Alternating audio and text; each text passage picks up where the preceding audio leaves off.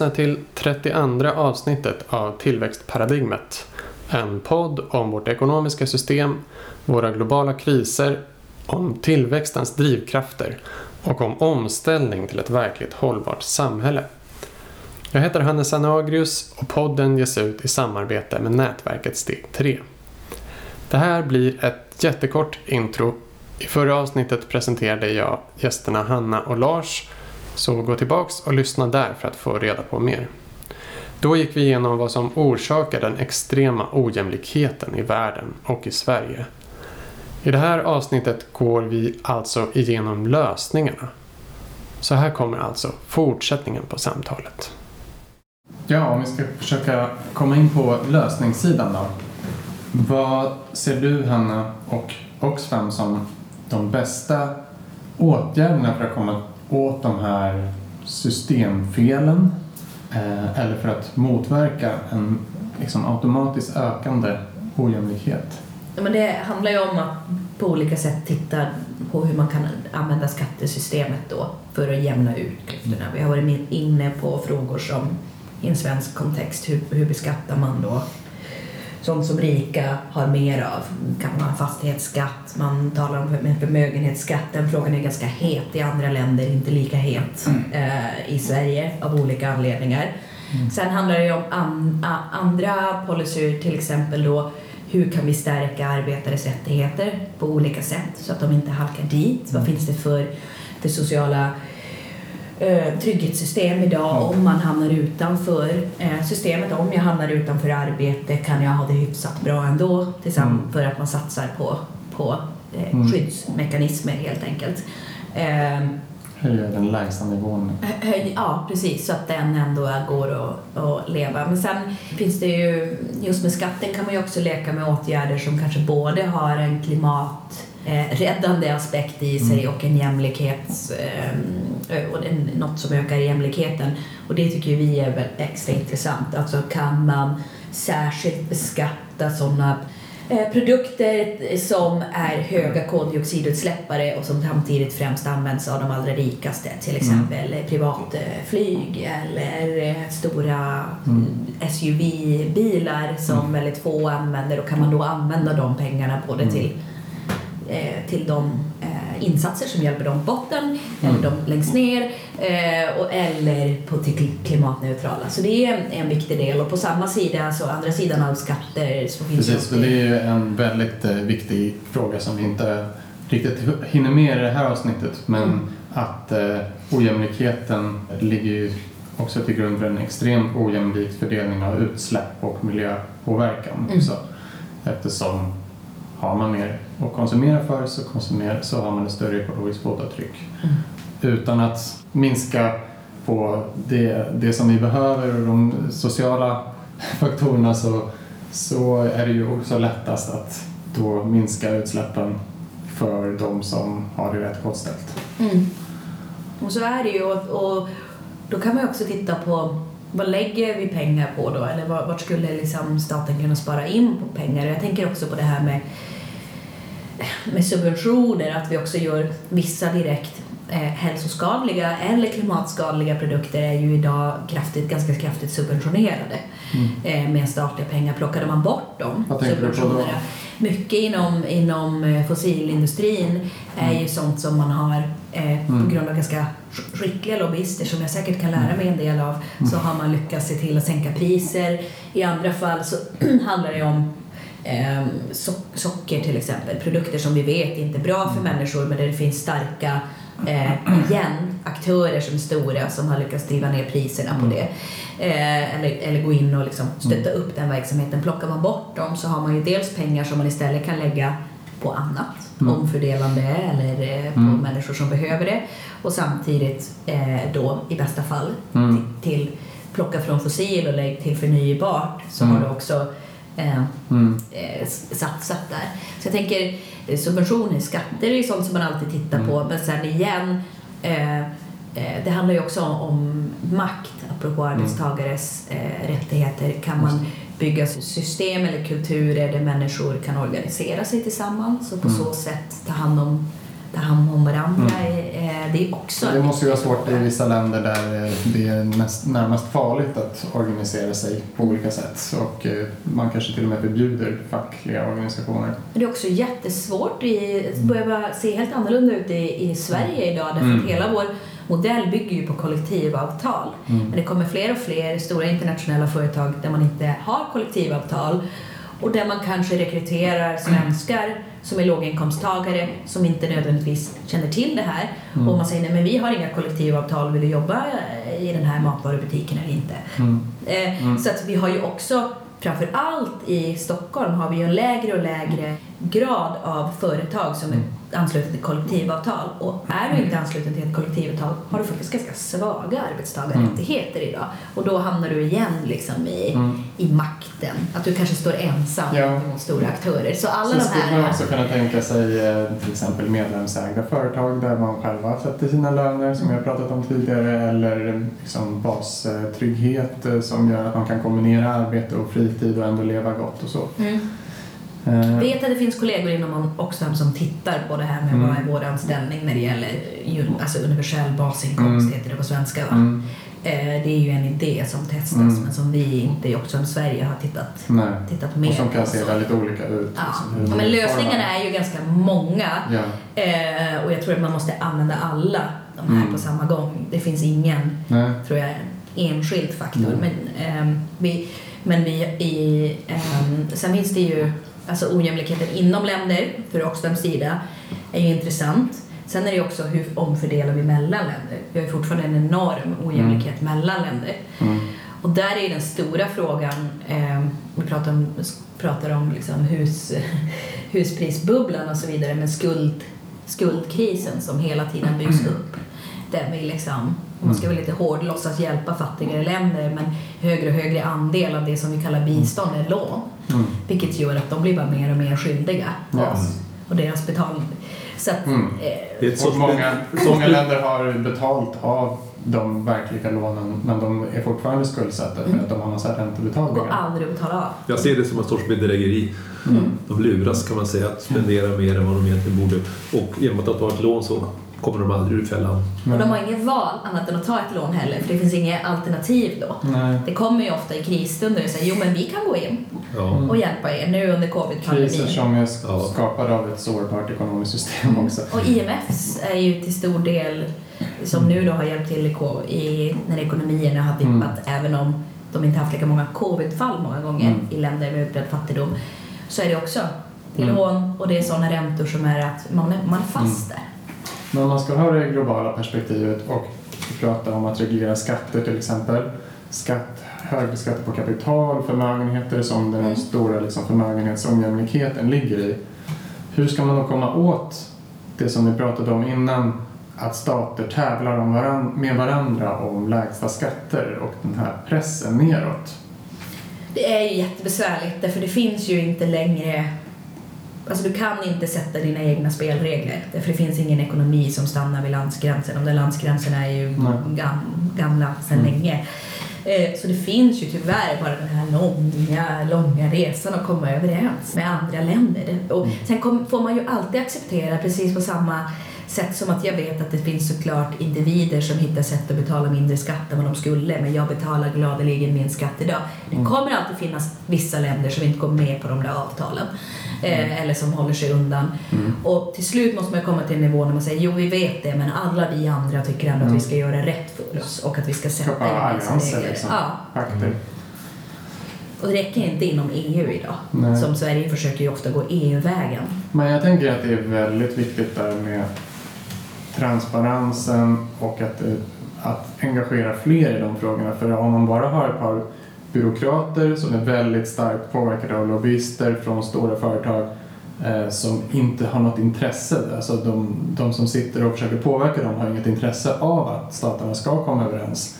Då minskar ju chansen för att de ska komma till sådana överenskommelser. Men om alla är engagerade så inser vi ju att alla stater har ett intresse av att hitta miniminivåer på skatter, mm. på löner, på arbetsvillkor alla tjänar ju på, alltså majoriteten av människor tjänar ju på det. den absoluta majoriteten. Ja. För att eh, samma personer som blåser Angola blåser ju också Sverige i vissa fall. Och företag Eh, skulle också tjäna på ja, det. de allra liksom. flesta fl- företag, det är ju väldigt Ja. få som kommer åt de här jätte... Alltså Mm. att, att lyckas smita hem. Ja. Så det, eh, det är verkligen... Ja. Mm. Men de äger inte debatten, de som vinner på det. Mm. Eller medlen att påverka politiken. Mm. Ehm, vad skulle du säga Lars är ehm, de viktiga eh, systemreformerna för att motverka en sån här automatisk ojämlikhet? Om man tittar lite mer på finans Ja, det-. Det finns ju en väldigt grundläggande sak som jag tror måste göras först, eller som behöver göras för att de här övriga åtgärderna som du har tagit upp nu Hanna, som du tycker också är väldigt viktiga, ska ge den riktiga effekten då. Och det är alltså att ändra på det här med att bankerna skapar pengar i samband med lån. Mm. Så just nu så förutsätter jag ur allt i världen att det bara är så. Det går inte att ändra på. Men det går att ändra på. Och vi är faktiskt väldigt nära en sån lösning just nu i Sverige. Och det går, lösningen går ut på att istället för att bankerna skapar pengar, betalningsmedel i samband med lån så ska alltså Riksbanken ge ut alla pengar. Då, eh, I princip samma, på samma sätt som de ger ut sedlar och mynt idag. Mm. Det sedlar, sedlar och mynt kallar vi för kontanter. Och det här frågar man det är digitala kontanter, digital cash. Mm. E-kronan kanske ni har hört talas om. Riksbanken har marknadsfört nu i fem år. Och det har man utrett nu också. Man har utrett det. Det utreds också i många andra länder. Eller? Ja, alltså Sverige precis. framkant. eh, det, det är ju så att det här är inte alls bara Sverige utan det, nu finns det en, en sorts koalition. Eh, det finns en innovation hub i Stockholm mellan centralbanker.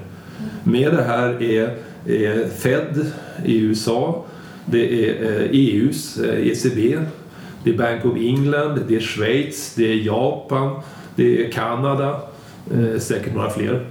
Och så är det då Sverige då. Och Sverige, Sveriges riksbank är en sorts ledare i det här kan man säga. De, de, har tagit initiativ till det här först och det, det är Cecilia Skingsley som är centralpunkt då i det här. Det går ut på att alla de här bankerna utreder det som kallas för CBDC, Central Bank Digital Cash. Digital cash, digitala kontanter.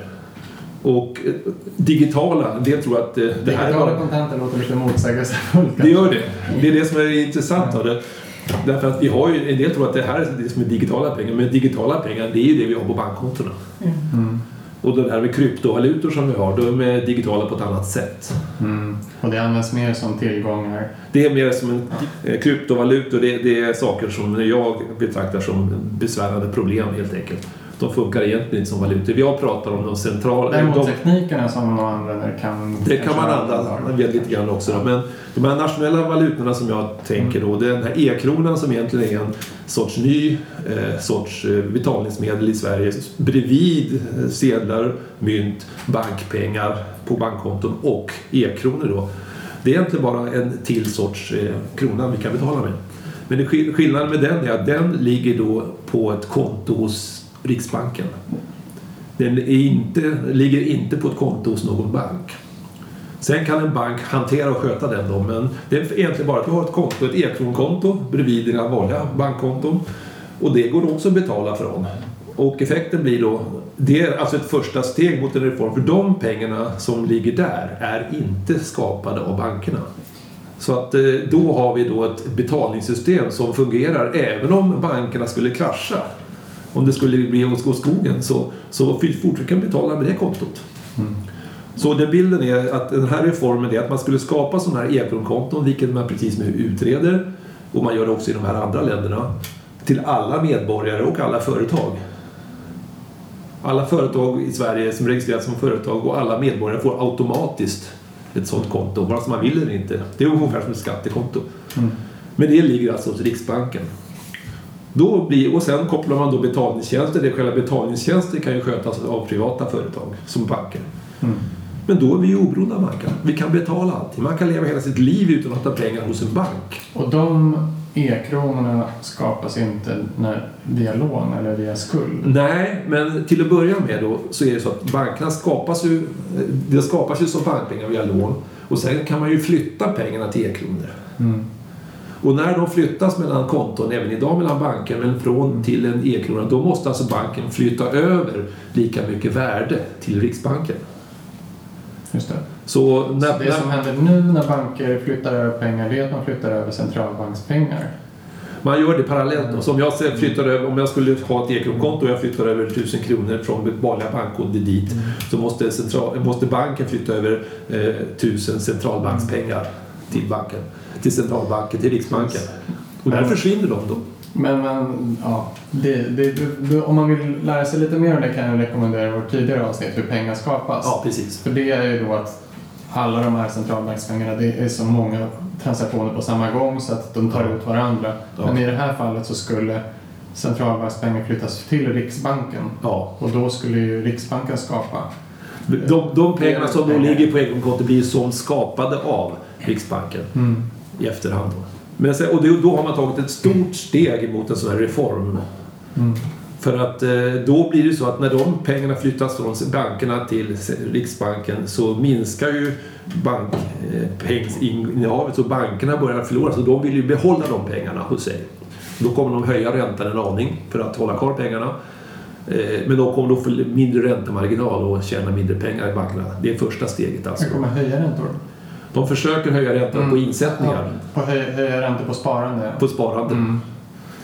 Och, men det, sen det nästa steget som kommer göra att det blir en reform och, eh, helt och hållet, det är ju då att eh, idag så bankinsättningar, det är lite komplicerat men egentligen inte, egentligen inte. Bankinsättningar räknas som väldigt säkra idag. Om en bank har många bank, vanliga bankinsättningar, pengar som man har satt in pengar på bankerna, Mm. inlåning som man kallar på bankerna, då, då kan man, får man låna ut mycket pengar enligt Finansinspektionen. Reglerna säger att det är väldigt säkra saker. Mm. Men det är ju inte säkert. Man kan ju flytta dem när som helst till en annan bank egentligen. Det kallas för bankrusning. Mm. Men de bedömer att sannolikheten är liten. Ja, de gör ju det. skulle göra det på samma gång. Och det är därför som eh, man har istället för om de skulle bli bankrus så garanterar man kontona men Mm. eh, hos eh, bankgarantin finns då idag. Ja. Men om man tar bort den här bankgarantin och säger, för nu har vi ju e-kronkonton. Alla kan när som helst flytta över sina pengar dit. Det är ingen som kommer förlora några pengar om en bank går i konkurs. Just det. Då kan man ta bort den här regeln som säger att bankpengar hjälper dem att låna ut. Och då kommer bankerna inte längre ha något intresse av att betala någon ränta för våra pengar. Våra vanliga betalpengar på, på kontona. Varför inte? Därför att de, de kan ju inte låna ut mer pengar. Om de har mer pengar, om jag satt in pengar på, ränt, på räntefria konton hos en bank. Så idag kan de låna ut mer då. Men när man tar bort den här regeln så kommer de inte kunna låna ut något mer. Just det. Men då Och- skulle och då måste- att folk sparar. Ja, då måste de istället ta in bundna konton. Att Du sätter in på en konto, här, du binder på ett år. Och då får du lite högre, då får du en ränta. Men vill du ta ut de pengarna får du betala en avgift. Så att då är det bundna pengar, ligger- men bundna Som du inte pengar, kommer åt dem. ett bundet värde ska jag säga, är inte pengar. För du kan inte betala med dem. Du måste ta ut dem först. Så då får bankerna låna in pengar och ge ränta för det. Och det är det de kan låna ut. Bankerna blir då, med den här modellen så blir då bankerna precis vad vi trodde de var. Att de först lånar in och sen lånar de ut. Mm. Och så har vi då, och de har aldrig pengar, alltså betalkonton kommer de inte ha längre. Bankerna kommer inte ha betalkonton. Alla betalkonton kommer vara e-kronkonton. Just det. För eh, först lånar in och sen lånar ut. Och nu Ja. så är det egentligen att de först lånar ut Ja. eh, och därmed skapas nya pengar. ja. Och sen får de tillbaka de pengarna. Och sen får de tillbaka det med bara en del, liten del av dem. Mm. För att de ska vara tillräckligt säkra då. Så att, Men, eh, men det här ingår inte riktigt i planen än så länge i alla fall i enkroneutredningarna. Att man ska göra om systemet helt och hållet på det här det- sättet. Nej, inte egentligen. Men, men i och med att man får en e-krona, om man skapar den då, som dessutom då finns i kanske många andra länder motsvarande, så, så blir det så automatiskt ser då. För i och med att man skapar en e-krona, då, blir, då behöver man inte ha bankgaranti längre. Och så effekten, tror jag, kommer bli att man får e-kronor det blir lite grann, eh, rätt så mycket, men inte alls särskilt totalt sett mycket pengar kommer föras över dit. Men sen då kommer man att se att det, nästa steg kommer bli nödvändigt. Man måste ju, har ju fortfarande problemet med inflationen. Mm. Man kan inte sänka räntan mer. Golvet blir 0 då, så att man... Eh, Då skulle det öppnas ett mycket lättare sätt att reglera inflationen. Då. Ja, och det, det blir då att i och med att det här e-kronen finns då kommer man få, för att kunna klara inflationen måste Riksbanken börja ge ut pengar själv. Alltså man skapar pengar och lägger in på e-kronkontot till alla medborgare. Jag vill inte kalla det helikopterpengar, för därför, jag kallar det medborgarandel. För man får, medborgarna får då en andel av penningmängden. Mm. Så det skulle kunna vara att ja, den här månaden så får varenda medborgare i Sverige 200 kronor. Ja, den modellen är ju då att när, i och med att pengar så successivt kommer flytta över dit till e-kronan så kommer vi behöva få ett eh, få, Riksbanken måste få ett verktyg för att kunna få till den här inflationen man vill ha då. Och då ger man ut pengar till varje medborgare. Och 200 kronor i, om månaden låter inte mycket. Men när då alla får det, barn från vuxna, så blir det en hel del. Det blir ett väldigt mycket större inflationstryck. För dessutom, de här pengarna kommer ju inte användas till att köpa bostäder eller aktier. De används till de de dagliga då. Det här är en väldigt enkel mekanism. Riksbanken har tillgång till alla kontona. Man gör bara en knapptryckning. Och då får man då en, en, en, en litet tryck på inflationen på precis de här konsumentpriserna. Mm. Lite lagom. Och då mäter man ju varje månad inflationen. Mm. Så man börjar med 200 kronor så ser man, blev det det inte så kan man använda samma indikatorer som idag och se om man behöver öka eller minska det då. Och då har man gett ut pengar på ett helt nytt sätt. För då ger man ut pengar utan att man kan ta tillbaka dem. För idag då, bankerna, de skapar pengar i samband med lån. När lånen betalas idag så kommer de tillbaka. Så det är hela tiden pengar som tas tillbaka med hjälp av att det är lån.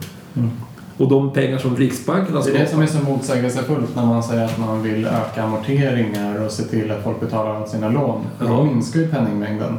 Ja. Så det blir två mål som, som jobbar emot varandra egentligen. Ja, jo. Om man vill öka penningmängden så kan man inte samtidigt säga att vi ska öka amorteringen. Nej, inte total amortering utan det blir så. Det man, eh, idag så ökar penningmängden jättemycket. Det ligger på typ 15 procent årstakt och har gjort nu i flera år i Sverige. Vi har en enormt stor penningmängd. Vi har faktiskt, eh, vad är det, 400, ja, 4 000, eller nej vad säger jag, 4 miljoner. Ah. Ja, så hur det. skulle det här systemet då med det som man kan, kan kallas suveräna pengar eller Mm. eh, e-kronekonton till alla som Riksbanken kontrollerar. Hur skulle det motverka ojämlikheten då? Jo, En effekten blir... liten sammanfattning. Ja, sammanfattningen, vi var inte framme på den sista avgörande saken Ja. För det var ju när man flyttar över pengar till eh, Riksbanken i de här e-kronorna, då kommer alltså pengarna flyttas till Riksbanken och då kommer det bli en skuld. Alltså, bankerna har inte så mycket rikspengar så de kan flytta över allting dit. Utan då måste man, för att finanssystemet ska vara stabilt, så får de ersättas med en skuld. Alltså bankerna kommer bli skyldiga Riksbanken det där som de inte kunde, hade råd att betala. Så Riks, central, eller bankerna kommer bli skyldiga Riksbanken en stor klump med, med pengar då.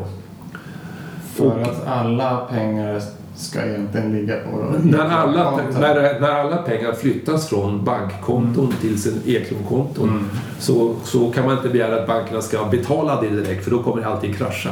Mm. Istället får de bli skyldiga eh, Riksbanken detta då. Ja. Och den skulden är en skuld som Riksbanken har, kan sätta räntan på.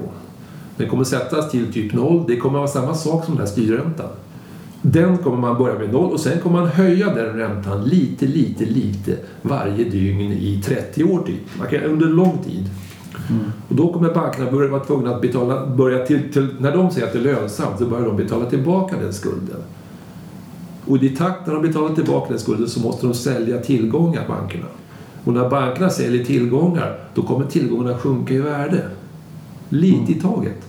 Det blir ingen krasch, men på 30 års sikt kommer bankerna ha betalt tillbaka det. Mm.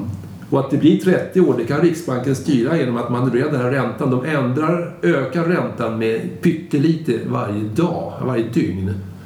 Och bankerna väljer själv när de vill sälja. Hur går det då för alla som äger bostäder och så? Ja, det är det som är grejen. Det är därför man inte gör det på en dag. För då blir det en krasch.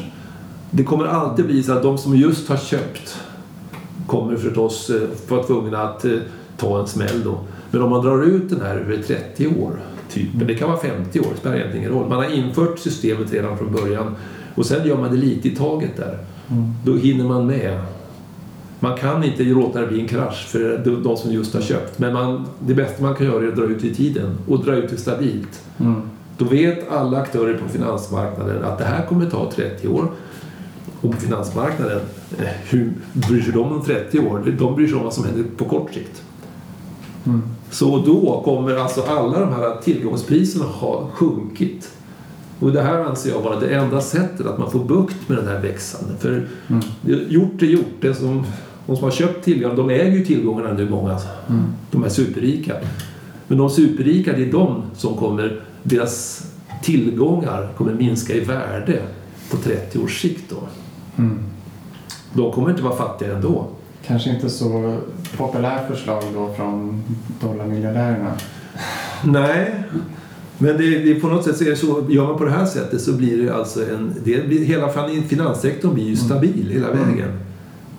Och det här, det intressantaste av allt är det här att det är precis det här som egentligen Riksbanken har utrett och sett att det här kommer bli. Kanske inte den här mjuka övergången som jag beskriver nu med 30 Nej. års, men Och sen en positiv effekt förutom då som du säger att, eh, eh, att man kan styra inflationen lättare och att eh, man vet att pengarna, eh, alltså även om banken kraschar så, finns, så kan man ha kvar pengarna. ja, Så blir det ju en effekt av det också att stater blir mindre beroende av bankerna, att behöva rädda banker. Eh, ja, För en bank blir mer som ett vanligt företag så ja. Om en bank kraschar så är inte det hela världen. Nej, det är precis så. Eh, banken kan krascha i det läget men nu, fortfarande så har vi en finansinspektion som håller koll Mm. på bankerna. Bankerna blir faktiskt då precis samma sak som de övriga finansiella företagen. Vi har ju många finansföretag i Sverige som inte är banker men fortfarande lånar ut pengar. Mm. De du sa där lånar ut eh, Mm. bara för Konsumentlån. konsumentlån och sånt där. Eh, bankerna blir som, blir som dem. De är kontrollerade av, av Finansinspektionen. Så att, men vi slipper den här... Vi, vad vi egentligen har gjort, vi har frikopplat penningmängden från räntan. Mm. Riksbanken kan då styra penningmängden och varje månad så kollar de inflationen och så för att hålla inflationen stabil så ger de ut si så mycket pengar till alla individer i Sverige, medborgare. Så att det Den här, typen av reform, att göra på det sättet att eh, man ska ge till varje e-kronokonto till varje medborgare och att det ska vara det sättet att styra inflationen och att man ska eh, bankerna får en skuld över kanske 30 år och så. Ja. Är det något som, som Movement for Monetary eh, Reform driver? ja, just det, det, det, det kan man säga. Det eh, positiva pengar och sovereign money, eh, positive money är ju med i en internationell organisation som heter Mm. IMMR, International Movement for Monetary Reforms. Och den finns över hela världen, inte, Mm. 30-40 länder med. Mm. Det, här kan ju, det, det är precis det man driver. Mm. Och, eh, den, det, och det intressanta är just att centralbankerna nu eh, går ihop för att ta till, ta till och göra de här eh, digital cash. Typ e-kronor, e-pund och sådär. Mm. Och det eh, går faktiskt precis i rätt håll på det sammanhanget. Och det intressanta för centralbanken har ju som uppgift att ha ett, eh, skapa ett effektivt betalningssystem. Mm. Ett säkert Mm. och det är jätteviktigt. Och det är precis det som Cecilia Skings när de håller tal och de andra på, i Bankcentral i Riksbanken säger då, att vi ska, det är vår skyldighet att göra det. Mm. Och de har en skyldighet enligt lag att tillhandahålla eh, kontanter, fysiska kontanter. Mm. Det intressanta är i lagen så står det inte riktigt, lagen är inte utformad för något digitalt riktigt.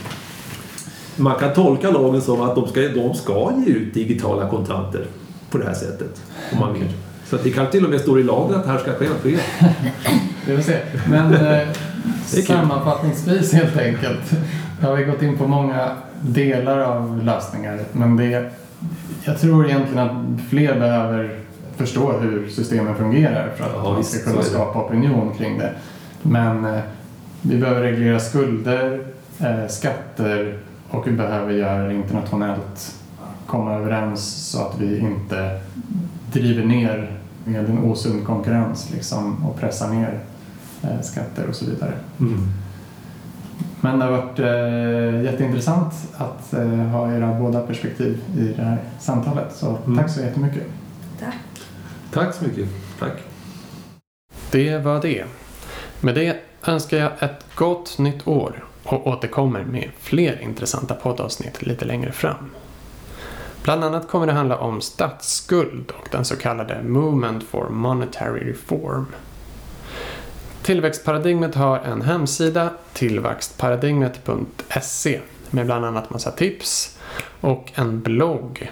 Podden finns också på Instagram och Facebook och på patreon.com där man gärna får bidra med en liten slant i månaden för att det här projektet för ett hållbart ekonomiskt system kan fortsätta och växa. Ha det bra, hej!